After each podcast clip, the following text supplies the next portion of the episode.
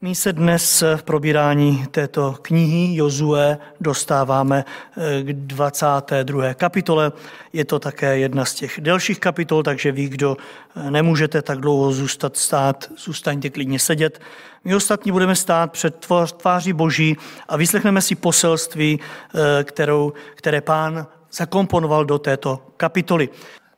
Tehdy svolal Jozue Růbenovce, Gádovce a polovinu pokolení Manasesova a řekl jim, Zachovali jste všecko, co vám přikázal Mojžíš, služebník hospodinův. Uposlechli jste mě ve všem, co jsem přikázal, neopustili jste své bratry po celý dlouhý čas, až do dnes, ale dbali jste na to, co vám svěřil a přikázal hospodin, váš Bůh. Teď dopřál hospodin váš Bůh vašim bratřím odpočinutí, jak jim přislíbil – Vraťte se tedy ke svým stanům do země svého trvalého vlastnictví, kterou vám dal Mojžíš, služebník hospodinův, za Jordání. Jen se usilovně snažte zachovávat přikázání a zákon, které vám přikázal Mojžíš, služebník hospodinův, totiž milovat hospodina, svého Boha, chodit po všech jeho cestách a dbát na jeho přikázání. Přimknout se k němu a sloužit mu z celého srdce a z celé duše – Jozue jim požehnal a propustil je a oni odešli ke svým stanům. Polovině kmene Manasesova dal Mojžíš území v Bášánu a druhé polovině dal Jozue území spolu se jejich bratřími na západ od Jordánu. Když je tehdy Jozue s požehnáním propouštěl k jejich stanům, řekl jim, s velikými poklady se navraťte ke svým stanům, s velikým množstvím dobytka, stříbrem, zlatem, mědí a železem, s velkým množstvím rouch. Rozdělte si s bratřími kořist po nepřátelích. Růbenovci, Gádovci a polovina kmene Manasesova se vrátili od Izraelců, od Izraelců v Šílu, jenže v kenánské zemi a táhli do země Gileádské, do země svého trvalého vlastnictví, kterou obdrželi na rozkaz hospodinů skrze Mojžíše – když přišli ke kruhům jordánským, které jsou ještě v zemi kanánské, zbudovali tam Růbenovci, Gádovci a polovina kmene Manasesova nad Jordánem oltář, veliký nápadný oltář. Izraelci se doslechli, že Růbenovci, Gádovci a polovina kmene Manasesova zbudovali oltář naproti kanánské zemi u jordánských kruhů směrem k Izraelcům. Když to Izraelci uslyšeli, schromáždila se celá pospolitost Izraelců do Šíla, aby se proti ním vypravili do boje. Izraelci vyslali k Růbenovcům, Gádovcům a polovině kmene Manasesova do země gileácké kněze Pinchasa, syna Eleazarova, a s ním deset předáků, po jednom předáku z každého rodu všech izraelských pokolení. Každý byl představitelem svého otcovského rodu v izraelských šicích. Přišli do, země, do, Gila, do Gileácké země k Růbenovcům, Gádovcům a k polovině kmene Manasesova a jednali s nimi. Toto praví celá hospodinova pospolitost. Jakou to spronevěrou jste se spronevěřili Bohu Izraele, že jste se dnes odvrátili od hospodina? Zbudovali jste oltář, abyste se dnes zbouřili proti hospodinu? Což je pro nás maličkostí nepravo spáchaná v Peoru, od níž až dodnes nejsme očištěni a kvůli níž přišla pohroma na hospodinu pospolitost? A vy se dnes odvracíte od hospodina. Proto se stane toto. Dnes se bouříte vy proti hospodinu a zítra se on rozlítí na celou izraelskou pospolitost. Jestliže země vašeho trvalého vlastnictví je nečistá, přejděte přece do země trvalého vlastnictví hospodinova, v němž přebývá hospodinův příbytek a dejte si přidělit podíl mezi námi, jen se nebuřte proti hospodinu a nezatahujte nás do své spoury budováním vlastního oltáře mimo oltář hospodina našeho Boha. Což se Akán, syn Zerachův, nedopustil z pronevěry věcí propadlých kladbě, což nedolehlo hospodinovou rozlícení na celou izraelskou pospolitost, a to způsobil jediný člověk, což pro svou nepravost nezahynul? Tu odpověděli Růbenovci, Gádovci a polovina kmene Manasesa, Manasesova a takto hovořili s představiteli izraelských šiků. Bůh bohů, hospodin, Bůh bohů, hospodin to ví, ať rovněž zví, ať to zví rovněž Izrael. Jestliže to byla spoura či spronevěra vůči hospodinu, ať nás dnešního dne nezachrání. Jestliže jsme si zbudovali oltář, abychom se odvrátili od hospodina, abychom na něm obětovali oběti zápalné a přídavné, nebo připravovali při něm hody, oběti pokojné, ať zakročí sám hospodin. Ve skutečnosti jsme tak učinili z obavy, protože jsme si řekli, že se jednou synové vaši zeptají našich, co máte společného s hospodinem Bohem Izraele? Vždyť hospodin určil za hranici mezi námi a vámi Jordán, synové Rubenovi a Gádovi. Nemáte podíl v hospodinu, tak vaši synové zaviní, že se naši synové přestanou bát hospodina. Proto jsme si řekli, dejme se do díla a zbudujme si oltář, ne pro zápalnou oběť, ani pro obětní hod, nýbrž aby byl svědkem mezi námi a vámi, i mezi našimi pokoleními pro, po nás, že máme právo sloužit hospodinu před jeho tváří svými zápalnými oběťmi i hody oběti pokojné. Vaši synové nebudou moci jednou říkat našim synům, nemáte podíl v hospodinu. Řekli jsme si, kdyby se stalo, že by tak mluvili v budoucnu s námi a s našimi pokoleními, odpověděli bychom, hleďte, zde je spodobení hospodinova oltáře, ten zřídili naši otcové, ne pro zápalnou oběť ani pro obětní hod, nýbrž aby byl svědkem mezi námi a vámi. Jsme daleci toho vzbouřit se proti hospodinu a odvrátit se dnes od hospodina vybudováním oltáře pro oběti zápalné, přídavné a obětní hod mimo oltář hospodina, našeho Boha, který je před jeho příbytkem. Když uslyšeli kněz Pinchas a předáci pospolitosti i představitelé izraelských šiků, kteří byli s ním, co mluvili Rúbenovci, Gádovci a Manasesovci, líbilo se jim to. I řekl kněz Pinchas, syn Eleazarův, Eleazarův, Rúbenovcům, Gádovcům a Manasesovcům. Dnes jsme poznali, že je hospodin uprostřed nás. Nespronevěřili jste se, v hosp- se hospodinu, vyprostili jste tím Izraelce z hospodinových rukou. Pak se kněz Pinchas, syn Eleazarův, z předáky vrátil od Rúbenovců a Gádovců ze země Gileádské k Izraelcům do země Kanánské a podal jim zprávu. Izraelcům se to zalíbilo. Dobrořečili Bohu a nemluvili již o tom, že potáhnou do boje proti nim a že zničí zemi, níž sílí Rúbenovci z Gádovci. Rúbenovci a Gádovci pak oltář pojmenovali a řekli, je mezi námi svědkem, že hospodin je Bůh. Amen. Náš nebeský oče, já tě chválím, moc ti děkuji za dnešní biblickou hodinu, moc ti děkuji za to, co nám chceš říct. Prosím, tak připrav naše nitra a srdce, sklidni prosím naše nitro, aby jsme tak eh, dokázali přijmout to, co nám chceš říct a aby jsme tak věděli, co nám říkáš. Chválíme tě. Ve tvém jménu, Pane Ježíši Kriste. Amen.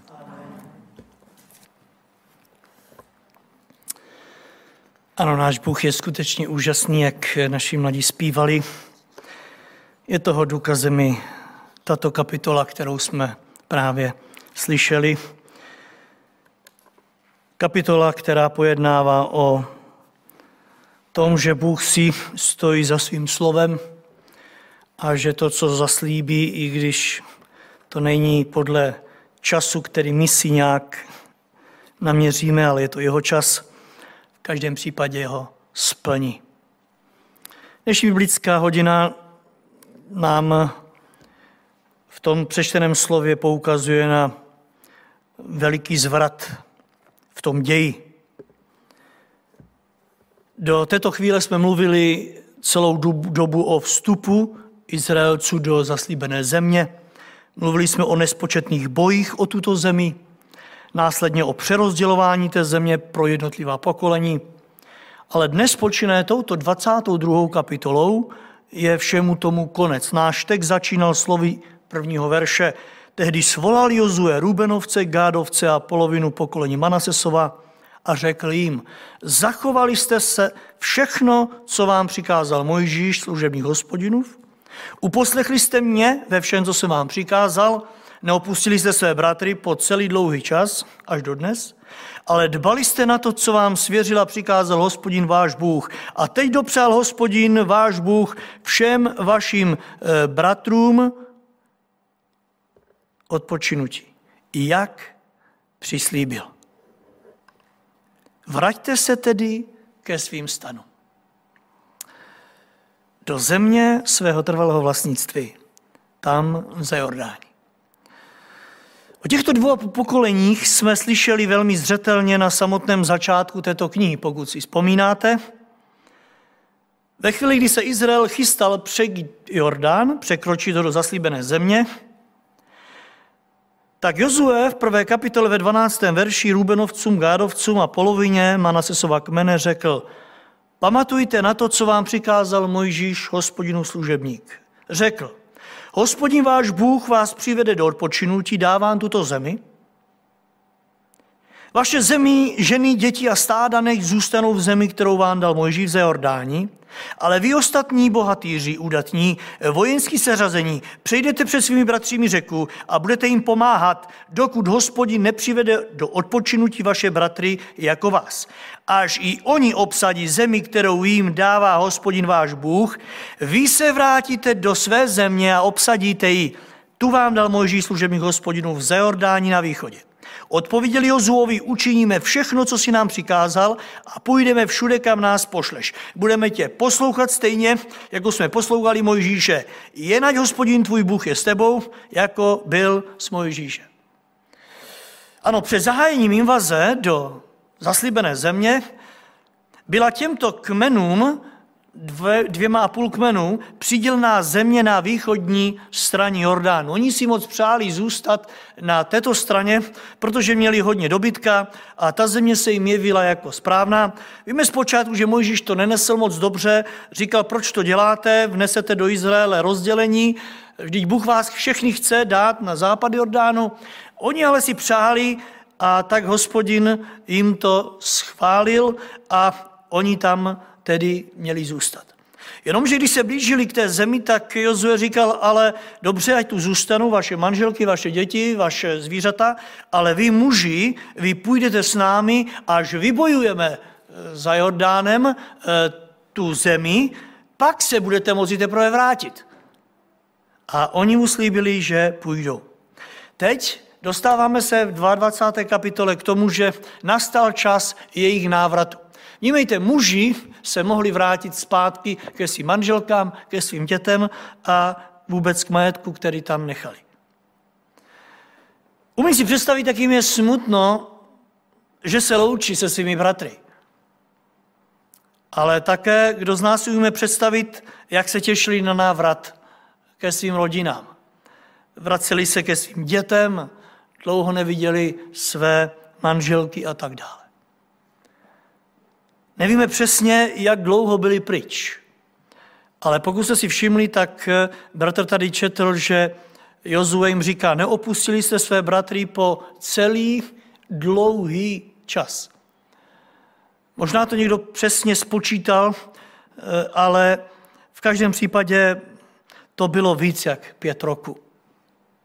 Než vybojovali tuto zemi a dostali svolení k návratu.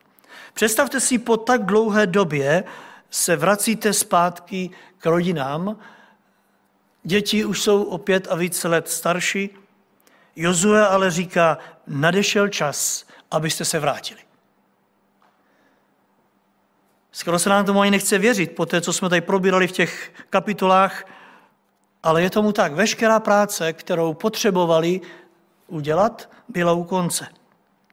Ještě před chvílí se nám zdálo v těch minulých kapitolách, že ta práce snad nikdy neskončí.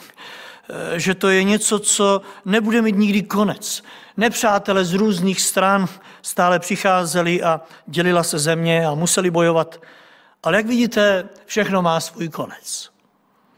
A to i tehdy, když se nám něco jeví jako nekonečné, v životě všechno má svůj konec. A že v případě Izraelců toho nebylo, opravdu nebylo málo, i tam se přiblížil konec. Ďábel byl neustále ve střehu, sváděl je z cesty, posílil na ně nepřátelé, uváděl je do léček. Do toho nekonečné losy, jaké území komu připadne, jak co eh, nejefektivněji vyčistit eh, území od nepřátel, dokonce i od obrusí anákových. A hle, tato kapitola říká, že i tomu nastal konec. Ano, i tomu největšímu obru ve tvém mém životě nastane konec. Vnímejte i té hoře, která se zdá být nezdolná, v našich životech přijde konec. A tak chci, abyste si spolu se mnou uvědomili u tohoto bodu knihy Jozue, že tak tomu bude i v našem případě, co se našeho života týká. Víte, dnes se nám možná zdá, že jsme v tom nejlepším rozjezdu, jsme možná ještě mladí, mladší, naše rodiny se rozrůstají, máme plnorozdělané práce, do toho nespočet různých plánů, ale jak vidíte, i tomu všemu přijde konec. Přijde den, kdy si nás volá náš pán a řekne nám jako Jozue jim, vraťte se ke svým stanům. Přišel závěr vaší práce. Ano, bylo ji hodně. Měli jste pocit, že ji budete dělat věčně, ale přišel konec. A o tom, že to bude rychle a nečekaně, nemusíme mluvit. V každém případě to bude chvíle velmi sentimentální. Já si umím představit, jak došlo na loučení s těmi, které měli rádi, s těmi, kterými, s kterými bojovali. Víte, oni drželi pospolu ruku v ruce, denně byli v boji, ale přišel čas, kdy se museli rozejít, rozloučit se. A tak nesmíme zapomenout ani my, že to bude chvíle, kdy až přijde čas loučení, bude to také taková sentimentální chvíle – kdy budeme muset jedni druhé opustit. Ale zároveň, víte, já si umím představit, jak když na této straně eh, tekly slzy loučení, jak na druhé straně byla obrovská radost ze setkání. Těch, které je na druhé straně Jordánu čekali. Ano, nesmíme zapomenout, že tak, jako se na, tomhle, na, to, na téhle straně Jordánu pozemskou budeme loučit s těmi, kteří tu zůstanou. Stejně tak v té samé chvíli se budeme těšit na setkání s těmi, od kterých jsme byli odloučeni. Já říkají Jozue dlouhou dobu. Přesně v takovéto fázi, ale pouze v tom tělesném slova smyslu, teď nacházíme pokolení Ruben Gad a polovinu pokolení Manazes v tomhle textu. Tak pojďme se v téhle biblické věnovat několika takovým důležitým věcem, které jsou v ní tak eh, zvaně vypichnuté, vyzvednuté. Tou první je vytrvalost ve službě těchto dvou a půl pokolení. Víte, ať se nám to líbí nebo ne, oni dodrželi slib. Nebylo to lehké. Určitě se jim nejednou stýskalo za ta léta. Určitě si nejednou říkali, máme to zapotřebí bojovat s těmito lidmi na území, které není a nikdy nebude naše. Víte, oni bojovali za Jordánem na území, které nebylo jejich. Oni už měli obsazené své území. Umí si představit, jak si říkali, kdo ví, co tam teď dělají naše rodiny. Tam byli muži, kteří se v myšlenkách museli vracet ke svým manželkám, ke svým dětem a říkali si, jestli pak oni tam nejsou ohrožení. My tady ztrácíme čas, chráníme je, ale co naše rodiny? Víte, ďábel je v tomhle tom velmi e, takový rafinovaný a říká, no jo, ty tady děláš pro tohle, ale co tvoje rodina? Ale mně se líbí, že oni to nevzdali. Oni celá ta léta, celý ten dlouhý čas bojují se svými bratry, aby obsadili Kanán s tím, že přijde den a pak se vrátí. A se líbí, že oni si ani o ten návrat neřeknou. Nechodí za Jozuem a neříkají, Jozue, tak kdy už, jako, jak dlouho nás tady chceš držet, tak už bychom se měli vrátit. Ne, oni čekají, Bible říká, že Jozue si je zavolal a Jozue řekl, už nastal konec. Ano, tito muži si trpělivě plní svou povinnost, k níž se před těmi několika lety zavázali. A teď podívejte, Jozue může vyzvednout a skutečně i vyzvedává to jejich jednání a chválí je za ně. Říká jim, nastal konec vaší práce a teď druhý verš, vy jste se zachovali správně, zachovali jste všechno, co vám přikázal Mojžíš, uposlechli jste mě, co se vám přikázal a neopustili jste bratry. Víte, toto jsou tři úžasné sloupy v božím lidu. Zachovali jste to, co vám řekl Bůh skrze Možíše, zachovali jste to, co jsem vám řekl já skrze Boží slovo a neopustili jste bratry po celý dlouhý čas až do dnes. Dbali jste na to, co vám svěřil a přikázal hospodin váš Bůh. Víte, to je úžasné. Věřím, že si podobná slova přeje že každý z nás na závěr té naší poženané pouti. Uposlechli si všechno z božího slova, byl si poslušen božích služebníků a neopustil si bratry a dbal si na všechno, co ti Bůh svěřil. Osobně si nic jiného nepřeji, než právě toto. A o to se modlím i v případě všech nás.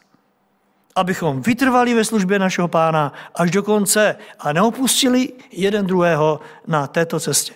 Protože není nic horšího, než nechat dílo svěřené nám Bohem rozdělané a opustit se v té nelehké práci. A teď pojďme k té druhé velmi poženané věci, která tady je krásně vyzvednutá v té kapitole, a to je štědrost k blížním.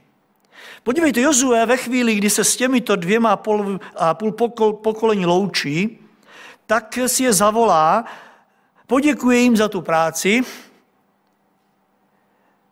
a nezapomene jim připomenout, aby až se vrátí, aby se z nich nestali takzvaní skrblíci, ale aby se se vším, co si sebou z Karánu odnesou, aby se doma podělili. S těmi, kteří tam před těmi několika lety zanechali. Slyšte to doslovně, sedmý verš, druhá část. Když je tedy Jozue s požehnáním propouštěl ke jim stanům, řekl jim, s velikými poklady se navraťte ke svým stanům. S velkým množstvím dobytka, stříbrem, zlatem, mědí a železem a s velkým množstvím rouch. Rozdělte si s bratřími koříst po nepřátelích. Slyšíte to? Součástí toho požehnání Jozoova bylo připomenutí, nezapomeňte se rozdělit, až přijdete domů. Nabízí se otázka, což pak oni to nevěděli, že se mají rozdělit? Určitě to věděl, ale znáte to. Je to část křesťanského života, která je velmi zanedbávaná i v současné době mezi námi, křesťany. Jen těžko se nám rozdává něco z toho, co jsme si sami zařídili. O to více to platilo pro tyto muže, kteří se vraceli z Kanánu na opačnou stranu Jordánu k těm svým. Oni totiž všechno, co si nesli, a nebylo toho málo, velké poklady, říká Jozue, dobytka, stříbra, zlata, mědi, železa a obrovské množství šatů, které ti na druhém břehu možná eh, ani neznali, protože si nesli eh, šaty eh, těch porobených národů, které byly úplně z jiné kvality, v jiné kvalitě, než znali oni. Vnímejte, nesli si velké poklady, které si ale vybojovali vlastníma rukama. A tak si představte, že se vrací domů a na druhém břehu všichni jásají. Jenomže do toho slib rozdělte se se svými bratřími. Nejenom se svými dětmi a manželkami, ale se svými bratřími, kteří tam zůstali. A Jozue říká, a buďte štědří. Jenomže ti doma nebojovali. Ti doma nebojovali. A já, který jsem nasadil svůj vlastní život, já se mám rozdělit s tím, který měl doma ruce v kapse? I těm je třeba dát, říká Jozue. Mohlo to Jozuovi být jedno, mohl říct, tak klidně se tam popertec, mě do toho. Ne, Jozue dbá na to, aby svým bratrům připomněl, že je zapotřeby se zachovat bratrsky.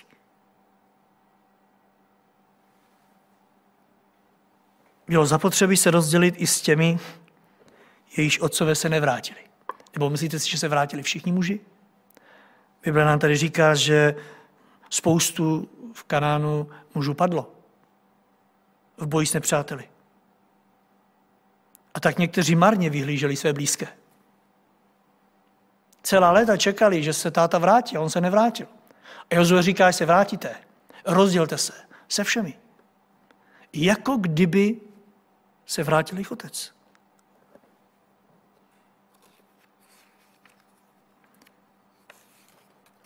A tak, bratře a sestry, chtějme si z tohoto vzít příklad pro naše životy na cestě víry.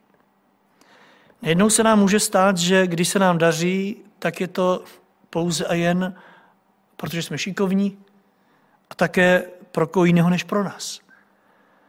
Jozue ale nabádá boží lid, myslete na své bratry a rozdělte se. Bůh vám požehnal a když vám Bůh žehná, je to, jako by žehnal všem vašim bratrům. Ano, počínaje domácími víry. Víte, že apoštol Pavel v Galackém 6.10 říká, a tak dokud je čas, činíme dobře všem. Nejvíce však těm, kteří patří do rodiny víry. Ano, vážení říká Jozu, až se vrátíte domů, začněte od těch, kteří patří do božího lidu. A teď je tu ta třetí a věřím, ta nejdůležitější věc, kterou Jozue upřednostňuje před ostatní, a to je duchovní vytrvalost.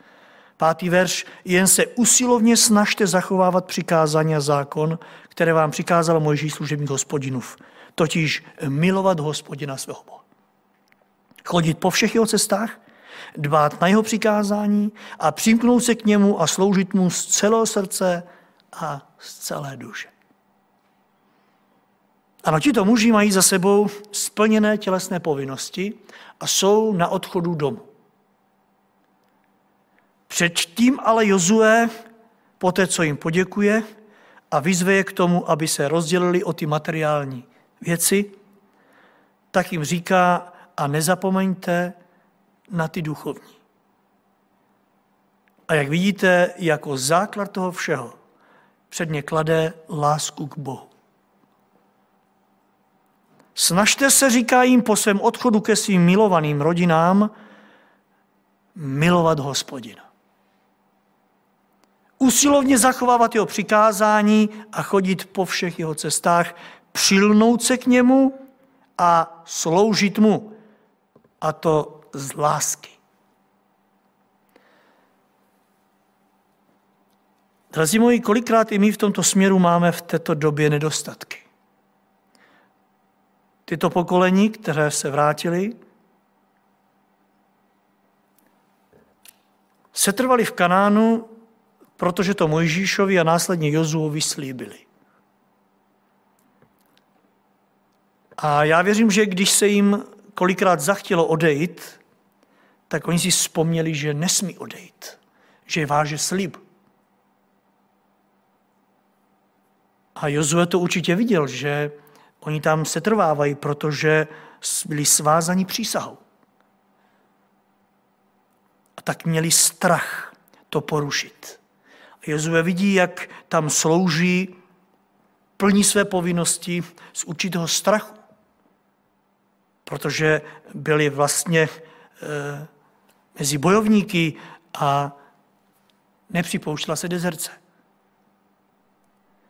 Teď ale Jozue je z té smlouvy tělesné vyvazuje, uvolňuje je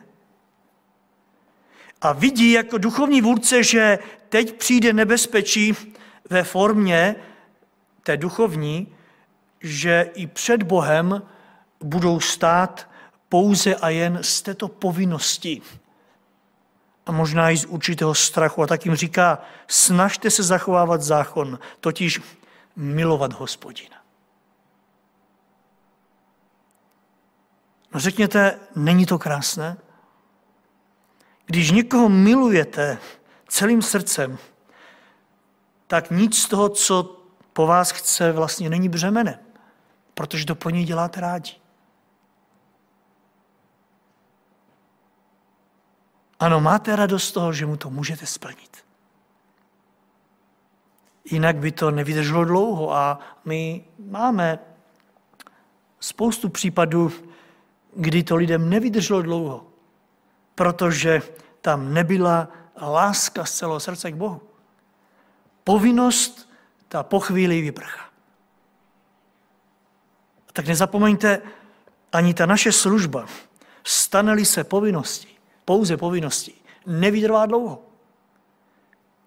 Protože se stane to, že z nás vytlačí duchovní růst. Že někdy jsme natolik zaměstnaní tím, co Bůh po nás chce, že zapomínáme přemýšlet nad tím, kým pro něho jsme a také kým před ním máme být. Proto toto napomenutí od Jozua i pro nás dnes. Plňte Boží slovo tím, že na první místo dáte lásku k Bohu. Jako by jim chtěl říct, už mu neslužte tak, jako jste sloužili tady, že musíte. Služte mu tak, že chcete, z radosti. A tak si přeji z celého srdce, aby váš i můj život, stejně tak životy našich rodin a zborů, aby stály na základě lásky k našemu pánu. A uvidíte, jak požehnaně se nám bude žít. A teď nyní k samotnému jejich odchodu. Nevíme přesně, kolik tisíc lidí se vracelo, ani kolik času jim to trvalo, ale víme, že všichni vyráželi směrem k domovu ze Šíla. Vnímejte z toho místa, kde byla hospodinova svatyně. Tam dostali požehnání a vraceli se. Devátý verš. Rubenovci, Gádovci a polovina kmene Manazesova se vrátili od Izraelců v Šílu, ježe v keránské zemi a táhli do země Gilácké, do země svého trvalého vlastnictví, kterou obdrželi na rozkaz hospodinův skrze Mojžíše. Ano, tohle bylo výchozí místo, z něhož s božím požehnáním odcházeli domů. Jenomže jenom co přišli na hranici své země k Jordánu, Izraelci, kteří v Kanánu zůstali, se dověděli hruzostrašnou zprávu. Zněla, jedenáctý verš. Izraelci se doslechli, že Rúbenovci, Gádovci a polovina kmene Manazes zbudovali oltář naproti keránské zemi u jordánských kruhů směrem k Izraelcům. Když to Izraelci uslyšeli, zhromáždila se celá pospolitost Izraelců do Šíla, aby proti ním se vypravili do boje. Zkuste to tak jenom maličko zpracovat ve své mysli a uvidíte, co se vám tam vyrojí. Před chvílí se rozloučili s požehnáním, jenom co vyrazí, přijde k ním zpráva, že se zachovali takto podle a těchto zbylých tyto zbylé pokolení v Kanánu se vypraví do boje, aby tyto své bratry pobili. Tak krásný rozchod, tak sentimentální, s božím požehnáním a ejhle už se zase mluví o válce. Tentokrát mezi svými bratry. A skutečně nezbývalo mnoho. A tito lidé by se ke svým rodinám nevrátili. Nevrátil by se tam nikdo z těchto dvou půl pokolení. Věřte mi, že těch zbývajících devět a půl by je zcela vyhlodilo z porchu zemi. A věřím, že si přesně tohle ďábel přál, aby se pobili v Kanánu. A čteme tady, že Izrael už se skutečně na válku chystal. Jenomže pán Bůh měl uprostřed izraelského národa moudré vůdce, kteří tomu zabrání. Byli tam ti, kteří se připravovali na válku. Jenomže do toho přijde Jozue a zachová se velmi moudře. Říká, nebudeme, nepůjdeme tam s vojenskou mocí. Vyšleme tam kněze Pinchasa, s ním deset předáků z každého rodu, každý představitel svého otcovského rodu, izraelských šicích, a zeptáme se jich, co to má znamenat. Proč to udělali? Moc se mi to líbí. Ďábel si přál, aby tam přitáhli, vyvraždili je a vrátili se. S pocitem, že udělali, co měli. Jenomže všimněte si, jak jedná Bůh. Nejedná zbrkle, nejedná unáhleně. A říká, vyšlete tam zástupce lidu, ale i zástupce duchovního. Ať zjistí, co to má znamenat. Proč to udělali? Vždyť ještě před chvílí jsme byli bratři. Proč se takhle podle zachovali? Tak oni tam přijdou a ptají se jich, co to má znamenat. Co jste to provedli?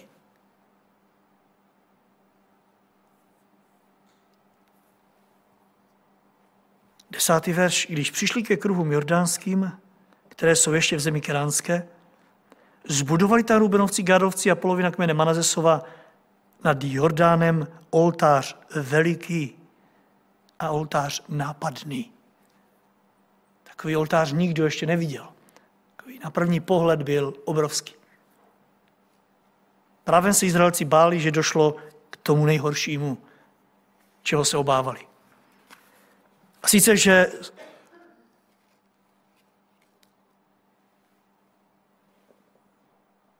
těchto dva půl kmene odpadly od hospodina. Zbudovali si svůj vlastní oltář a teď si slouží nějakému svému bohu. Tak věnujeme teď tu závěrečnou část dnešní biblické tomu, jak a o čem to jednání na hranicích Jordánu bylo. Věřte mi, je v něm spoustu požehnání i pro nás nejednou zbrklé životy na cestě víry. Kněz Pinchas, který tu výpravu vede, těmto pokolením předloží tři velké nebezpečí, které jsou spojeny s oltářem. Za prvé, jim připomíná vzpouru v Peoru. Říká jim, vy jste zapomněli, co se stalo v Peoru? A víte, co měl na mysli? Měl na mysli to, když po odchodu Baláma, nebo Bileáma, se lid spolčil s pohany a smilnili to. Říká jim, vy jste zapomněli, co se stalo s izraelským národem, když jsme se vzbouřili proti hospodinu? To jste udělali vítečko. Za druhé připomněl jim Akána, toho muže, který, když přišli do Ericha, tak i přesto, že měli zakázáno cokoliv si brát, tento, tento muž vzal z věcí proklatých a schoval je pod stanem. Tento kněz jim říká, vy jste na to zapomněli? Vy jste zapomněli, že on zemřel spolu s celou rodinou? Vy jste zapomněli, že Bůh nebude tolerovat tento váš hřích? A když nebude tolerovat váš hřích, že se oboří i na nás? A za třetí, jim připomíná nečisté pohnutky. 19. verš. Připomínají tam ty pohnutky, které jsou spojené e, mimo jiné i s plynutí s konzumem, kdy Moží se hněval na to, že chtějí zůstat před Jordánem.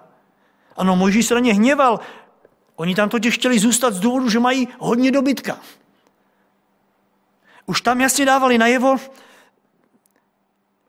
že mají rádi majetek, že oni chtějí si zachovat pastviny a, a, a aby měli víc než ostatní. A teď jim to kněz připomíná, vy jste zapomněli na to, že Bohu se to nelíbilo, že jste upřednostňovali konzum, dobře, chválil vám to, ale zapomněli jste na to?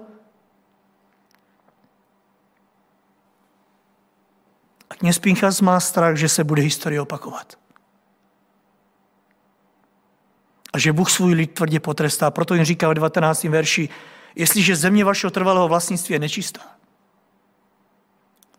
pak přejděte do země trvalého vlastnictví hospodinova, v němž přebývá hospodinův příbytek.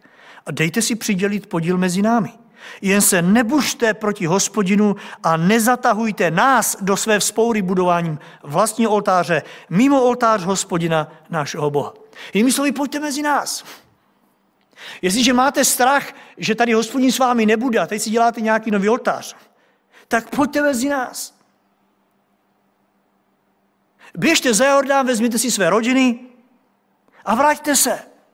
A budeme tady spolu, máme tady stánek, máme tady oltář. Hlavně se neprotivte proti hospodinu svému Bohu. Líbí se vám tohle jednání? Pojďte mezi nás. V pokoji jim vysvětlí všechna nebezpečí a zároveň jim nabízí i pomocnou ruku. My vám dáme mezi sebou dědictví. Představte si, oni už měli rozdělenou zemi, ale byli připraveni, že si těchto dvě a půl pokolení přijde zpátky, tak se rozdělíme, zmenšíme si to my a dáme i vám. Na jednu stranu to těm devíti a pět půl pokolení mohlo být jedno. Mohli říct, ať si jdou, ať si věří, čemu chtějí tam za Jordánem, teď nás to nemusí zajímat. My tady máme svého Boha, jestliže ho chtějí zharmucovat, ať se zharmoutí, ať si postaví, co chtějí. Jenomže podívejte, o jim to není jedno, oni se stále vidí jako jeden národ. I když oni budou za Jordánem, jsme jeden národ. Máme jednoho Boha. Boha, který nedělá výjimky. A tak i za cenu, že se budou dělit o své území s nima, nechtějí dopustit, aby se jejich bratři vzdáleli od Boha.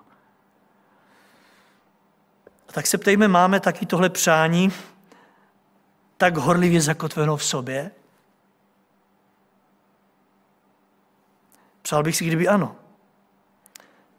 Aby nám nebylo jedno, že ten a onen, který patří k nám, si tam a on jde něco staví a uctívá si něco svého.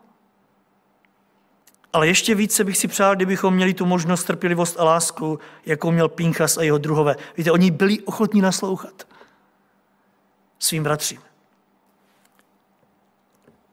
A když si je vyslechli, tak čteme v 30. verši, že když uslyšel kněz Píncha za předáci pospolitosti i představitele izraelských šiků, kteří byli s ním, co mluvili Rúbenovci, Gádovci a Manasesovci, líbilo se jim to. I řekl kněz Pínkas, syn Eleazarův, dnes jsme poznali, že je hospodinu prostřed nás. Vy jste se hospodinu nespronevěřili. A cože jim to řekli, že z toho byli tak nadšení? Ještě před chvílí chtěli s nimi bojovat? 24. verš, druhá část říká, my jsme tak učinili ne proto, abychom se vzdálili od Boha. My nechceme uctívat jiného Boha. My jsme si nepostavili oltář, abychom uctívali nějakého jiného Boha. Ale my jsme tak udělali z obavy o naše děti. Protože jsme si řekli, že se jednou našové, naši synové nás budou ptát. Co máte společného s hospodinem Bohem Izraele? Když hospodin určil za hranici mezi námi a vámi Jordán. Synové Rubenovi a Gádovi, nemáte podíl v hospodinu.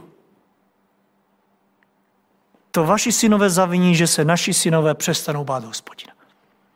Proto jsme si řekli, dejme se do díla, zbudujme si oltář, ale ne pro zápalnou oběť, ani pro obětní hod, Nýbrž, aby byl svědkem mezi námi a vámi i mezi našimi pokoleními po nás, že máme právo sloužit hospodinu před jeho tváří svými zápalnými oběťmi i hody obětí pokolné, pokojné. Vaši synové nebudou moci jednou říkat našim synům, nemáte podíl hospodinu. Řekli jsme si, kdyby se stalo, že by tak mluvili v budoucnu s námi a s našimi pokoleními, odpověděli bychom, hle, zde je spodobení hospodinova oltáře. Ten zřídili naši otcové. Ne pro zápalnou oběť, ani pro obětní hod. Nýbrž, aby byl svědkem mezi námi a vámi, jsme daleci toho vzbouřit se proti hospodinu a odvrátit se dnes od hospodina vybudováním oltáře pro oběti zápalné. Přidavné obětní hod mimo oltář hospodina našeho Boha, který je před jeho příbytkem. A když jim to řekli, kněz a ostatní se zaradovali a řekli si, tak to je dobře. Jestli to má být pouze připomínka, tak je to dobře. Měli jsme obavy, že ten oltář, tu schránu, kterou tam máme jako celek, že jste se od ní odvrátili a tady jste si postavili něco svého. Kněze to uklidnilo, vrací se zpátky, vyřídí to Izraeli a všichni mají radost. Stačí se teď ale ptát, v závěru téhle biblické hodiny. Byl s touhle odpovědí spokojen i Bůh? Víte, my na všechno najdeme odpovědi. Vidím to u sebe a vidím to u nás. Když nás něco napadne a uděláme to, tak si to umíme zdůvodnit. Tito lidé to zdůvodnili, spokojení bylo na obou stranách. Já jsem se ale musel ptát při přípravě tohoto slova, Pane Bože, byl jsi s tím i ty spokojený? V Šílu bylo to, co Izrael potřeboval, kam se mohl vracet, kam mohl přicházet. Byl jsi spokojený s tím, že na hranicích u Jordánu vznikl jiný oltář, nápadný, obrovský, veliký, sice jenom jako socha, nic na něm obětováno nikdy nebylo, ale jenom jako nějaká připomínka. Ptejme se, bratře a sestry, bylo to nutné, bylo to potřebné a bylo to správné? Člověk byl spokojený. To, do jaké míry byl spokojený pán, to věřím se dozvíme jednou na věčnosti. Nejenom o nich, ale i o nás. Ale víte, já v každém případě v tom vidím něco lidského, něco, co se od té doby z božího lidu ne a nevytratit. Jakási snaha o něco hmatatelného. Pán vždycky měl pro svůj lid přání, aby jim byl dostatečný. On chtěl být jejich králem, oni ale chtěli později hmatatelného krále jako ostatní národy.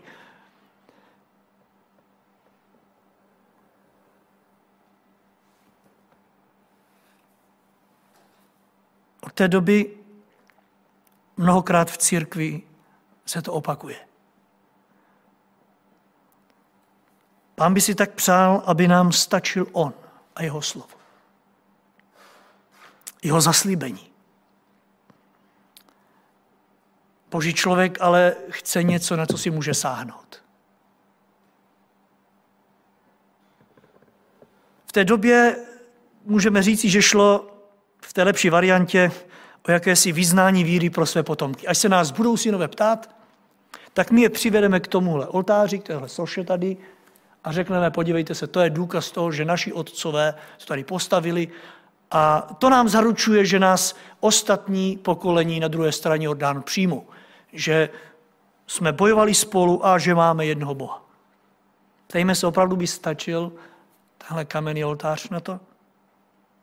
Oni chtěli jakési vyznání víry pro své potomky. Vnímejte, aby se bylo čeho chytit. A já je chápu. Lidsky je chápu. V případě, že by bratři v Kanánu selhali a přestali je uznávat za své bratry, oni chtěli své děti přivést k tomu a říct si, podívejte se, tohle je důkaz. Na jednu stranu dobré, ale tak jsem se musel ptát a ptejme se spolu, bylo by to dostatečné? Není to tak trošku důkaz, že to bereme ve strachu až příliš do svých rukou? Bojíme se, že by to mohlo dopadnout špatně, tak si stavíme takové ty pomníčky, aby jsme měli kam koho dovést? Chtějme tady vedle toho dobrého úmyslu, který uklidní lidskou mysl, teď v závěru biblické vidět i to, co tu boží mysl může zneklidnit, protože v takových případech přestáváme plně spolehat na Pána Boha. Od té doby si i boží lid píše svá vyznání do x bodu s tím, že vystihne tu pravou podstatu. Ale což pak, bratři a sestry, písmo není dostatečné? Nemělo by písmo stačit církvi pro to, aby mohla žít? A přitom si musíme napsat toto ano, toto ne, toto ne, toto ano, toto ne.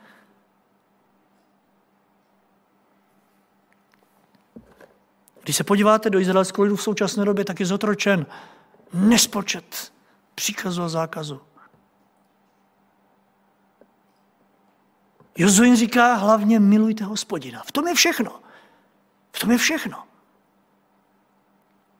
Jenomže když pán Ježíš přišel na svět, tak už dávali desátku z máty a počítali semínka, aby dodrželi zákon. Což pak Bůh nebyl tenkrát a není dodnes dostatečným spojovacím prvkem? Nestačí vám Izraeli, že Bůh řekl, já jsem Bůh Abrahamův, Izákův a Jakobův a vy jste nepřestali být moje děti? Je jedno, jestli budete tady za Jordánem nebo tady? Víte, tyto lidé si tehdy neuvědomili, že to, co oni myslí dobře, ďábel může v budoucnu zneužit. Oni stále říkali, ale my sem přivedeme děti a vaše děti, až přijdou a budou tady hádat, tak tenhle oltář, ten jim bude jasným důkazem a ten je bude spojovat. Víte, oni si ale neuvědomili, že když něco postaví, že ďábel si to může zneužít.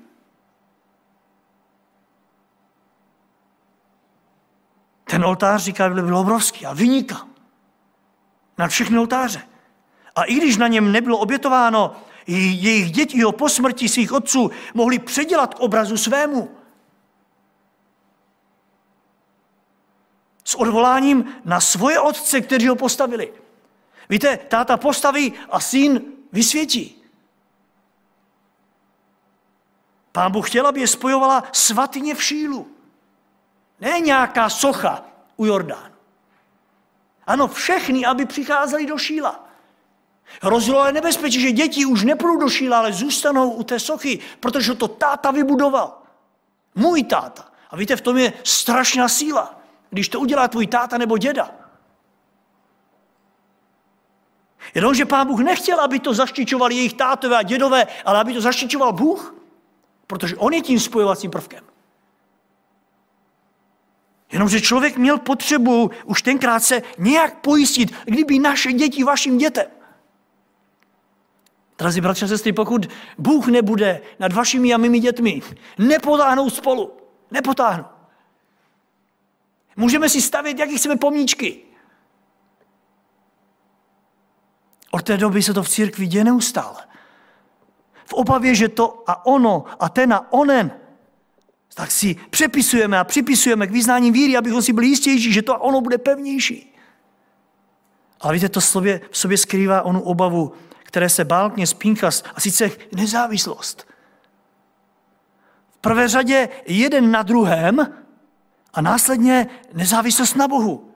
Vzpomínáte, když eh, Moží se nevracel z hory, tak udělali zlaté tele. Mějte něco, co si mohli osahat a říká, to jsou bohové, který tě vyvedli z Egypta. Vidí jedno tele a vidí tam bohy v množném čísle. To jsou ti, kteří tě vyvedli. Nezávislost na hospodinu. V té době sloup je oltáře bez oběti. A když se podíváte dnes do církve, jako takové, kolik hmatatelné jistoty je v obrazech, kolik hmatatelné jistoty je v sochách, sloupech a podobně. V jezulátku a nevím čem všem. Kde je Bůh? Kde je Bůh, který to spojuje? Už víte, proč církev nedrží spolu a proč není jedna? Proč je to tak rozdělené? Protože se vytrácí ten prvek. Kdyby naše děti, tak mi toto. Kdyby naše děti, tak mi toto. A pak každý děti někam. A jestli mi dáte zapravdu, že právě v oné takzvané nezávislosti je dodnes skryté nebezpečí, že zapomeneme na to, že je jeden pán, je jedna víra a je jeden křest. Ano, jeden oltář, kterým je kříž Ježíše Krista. A taky jeden stůl z božího slova, k kterému jsme zváni,